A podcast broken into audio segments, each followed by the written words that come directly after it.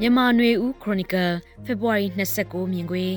ပညာရေးဝန်ထမ်းတွေကိုဖမ်းဆီးထိန်းသိမ်းတာတွေစစ်တိုက်ဖြစ်လာစစ်တွေမြို့ပေါ်လက်နက်ကြီးကြီးကြလူဒါဇင်ချီတေဆုံးဆိုတဲ့ဆောင်းပါးကိုဖတ်ကြားပေးပါမယ်။ ယခုနှစ်ကွန်ပိုင်းလွိုင်ကော်မြို့ကလွိုင်ကော်တက္ကသိုလ်မှာတက်ဆွဲထားတဲ့စစ်ကောင်စီတပ်တွေကို KNDF လက်နက်ကင်အဖွဲ့တိုက်ခိုက်ခဲ့စဉ်ကတက္ကသိုလ်ဆရာဆရာမတွေနဲ့တက္ကသိုလ်ဝန်ထမ်းရာနဲ့ချီကတိုက်ပွဲဖြစ်ပွားနေရမှကဲထုတ်သွားခဲ့ပြီးရက်အတန်းကြာထိမ့်သိမ်းစစ်မေးပြီးနောက်မှာပြန်လွှတ်ပေးခဲ့တဲ့သတင်းဖော်ပြခဲ့ပါတယ်။ အိမ်နောက်3လခန့်ကြာမှအလားတူဖြစ်ရမျိုးစကိုင်းနဲ့ချင်းပြည်နယ်အဆက်ကကလေးမျိုးတက္ကသိုလ်မှာခုရက်ပိုင်းမှာထပ်မံဖြစ်ပွားခဲ့ပါတယ်။ချင်းမျိုးသားတက်မတော် CNF KIA နဲ့ PDF ပူပေါင်းအဖွဲ့တွေကချင်းပြည်နယ် area နယ်နိမိတ်ဖြစ်တဲ့ခိုင်ကမ်းမြို့နဲ့၎င်းနဲ့ထိစပ်နေတဲ့ ကလေးမြို့စုံကကလေးတက္ကသိုလ်မှာတက်ဆွဲထားတဲ့စစ်ကောင်စီတပ်ကိုဝင်ရောက်တိုက်ခိုက်စဉ်တက္ကသိုလ်ကျောင်းသားကျောင်းသူအပါအဝင်ဆရာဆရာမ130ကျော်ကိုတိုက်ပွဲဖြစ်ပွားနေရမှကဲထုတ်သွားတယ်လို့သတင်းဌာနတွေကိုဖြေကြားထားတာတွေ့ရပါတယ်။ကရင်နီပြည်လွိုင်းကော်မြို့က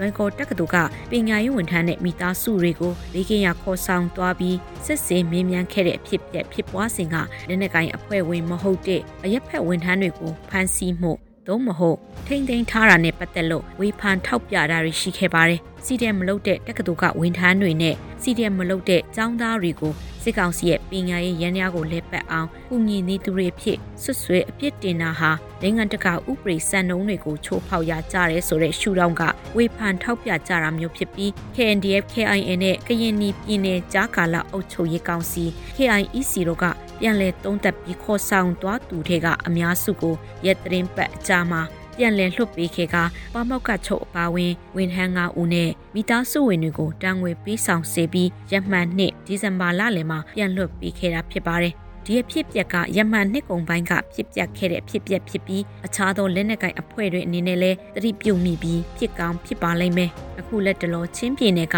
လက်နက်ကိုင်အဖွဲ့တွေကလေးတက္ကသိုလ်ကိုတိုက်ခိုက်ခဲ့ကចောင်းသားចောင်းသူနဲ့ဝန်ထမ်းတွေကိုဘေးလွတ်ရာကဲထုတ်ကခေါ်ဆောင်သွားခြင်းဟာရန်ကုန်ကဖြစ်ပျက်တဲ့အလားတရန်တူတဲ့ဖြစ်ရက်ထပ်မံဖြစ်ပွားခဲ့တာလို့ဆိုနိုင်ပါတယ်။ တပြိုင်နက်တည်းမှာလိုပဲတနင်္သာရီတိုင်းဒဝဲမြို့မှာဘာထူတက်မတော်လို့အမိပေးထားတဲ့ PDF လက်နက်ကင်အဖွဲ့တစ်ဖွဲ့ကလည်းခုရက်ပိုင်းအတွင်းဒဝဲနီးပညာတက္ကသိုလ်ကိုဝင်ရောက်ပြီးဒုပါမုခချုံနဲ့အခြားမျိုးသမီးဌာနမှုနှစ်ဦးတို့ကိုထိမ့်သိမ်းခေါ်ဆောင်သွားခဲ့ပါတယ်။အဆိုပါ၃ဦးကိုဖမ်းဆီးထားတာနဲ့ပတ်သက်လို့တနင်္သာရီဒေသထဲကအခြားသောတော်လှန်လက်နက်ကင်အဖွဲ့တစ်ဖွဲ့ကဖမ်းဆီးထိမ့်သိမ်းထားတာနဲ့ပတ်သက်လို့ အဆိုပါပညာရေးဝန်ထမ်း၃ဦးအနေနဲ့လူခွင့်ရေးချိုးဖောက်မှုအကြမ်းဖက်မှုတွေကျူးလွန်ထားခြင်းမရှိရင်အမြန်ဆုံးပြန်လွှတ်ပေးဖို့တိုက်တွန်းပြောဆိုခဲ့တယ်လို့တနင်္သာရီတိုင်းထဲကဒီမိုကရေစီအရေးလှုပ်ရှားမှုတပိတ်ကော်မတီဒဝဲခရိုင်က CDM မလုပ်တဲ့အကြောင်းအချက်နဲ့ခုလိုအရက်သားဝန်ထမ်းတွေကိုဖမ်းဆီးအရေးယူတာမျိုးမလုပ်သင့်ကြောင်းနဲ့အမြန်ဆုံးပြန်လွှတ်ပေးဖို့တောင်းဆိုစာထုတ်ပြန်ခဲ့ပါတယ်။အခုလိုတော်လှန်လက်နက်ကင်အဖွဲ့တွေအနေနဲ့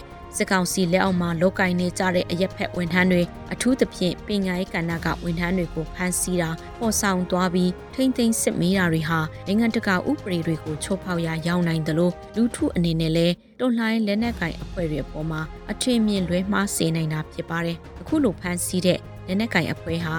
UNG ကာကွယ်ဝင်ကြီးဌာနလက်အောက်ကမဟုတ်သည့်တိုင် UNG အစိုးရအနေနဲ့မူဝါဒပိုင်းအရထိမ့်သိမ်းပြောဆိုဖို့အရေးတကြီးလိုအပ်နေတယ်လို့မြင်မိပါတယ်။ ဒေသအလိုက်တီထောင်ထားကြတဲ့တော်လှန်လက်နက်ကိုင်အဖွဲ့အစည်းတွေအနေနဲ့ရက်သားတွေကိုဖမ်းဆီးတာလွတ်လပ်တဲ့တရားစီရင်ရေးစနစ်မဟုတ်ဘဲအမိန့်နဲ့အပြစ်ပေးတာတွေမလုပ်ဆောင်ဖို့တိုက်တွန်းတားဆီးတဲ့နယ်လို့မြင်မိပါတယ်။သုံးမှသာတစ်ခုပြီးတစ်ခုဖြစ်ပွားလာနေတဲ့ အရက်ဖက်ဖြစ်တဲ့ဝင်ကြီးဌာနလက်အောက်ကဝန်ထမ်းတွေကိုဖမ်းဆီးစစ်ဆေးအပြစ်ပေးတာတွေရော့နေသွားမယ်လို့မြင်မိပါတယ်။ဒီနေ့ဖို့အခြားအကြောင်းအရာတရက်ကတော့တိုက်ပွဲတွေပြင်းထန်စွာဖြစ်ပွားနေတဲ့ရခိုင်ပြည်နယ်ရဲ့မြို့တော်စစ်တွေမြို့ဈေးတနေရာကိုစစ်ကောင်စီရဲ့ရေတပ်ကပစ်လိုက်တယ်လို့ယူဆရတဲ့လက်နက်ကြီးကြီးဖေဖော်ဝါရီ29ရက်နေ့ပိုင်းကကြားရောက်ပြီးလူ10ဦးထက်မနည်းသေဆုံးခဲ့ရတယ်လို့20ထက်မနည်းထိခိုက်ဒဏ်ရာရခဲ့ကြတဲ့သတင်းဖြစ်ပါတယ်။ လက်နက်ကြီးကြီးပစ်ခတ်တဲ့လက်သေးအနေနဲ့စစ်ကောင်စီရဲ့ရေးတက်လို့ယူဆရပြီးရခိုင်ပြည်နယ်မှာမျိုးတွေနဲ့စစ်စခန်း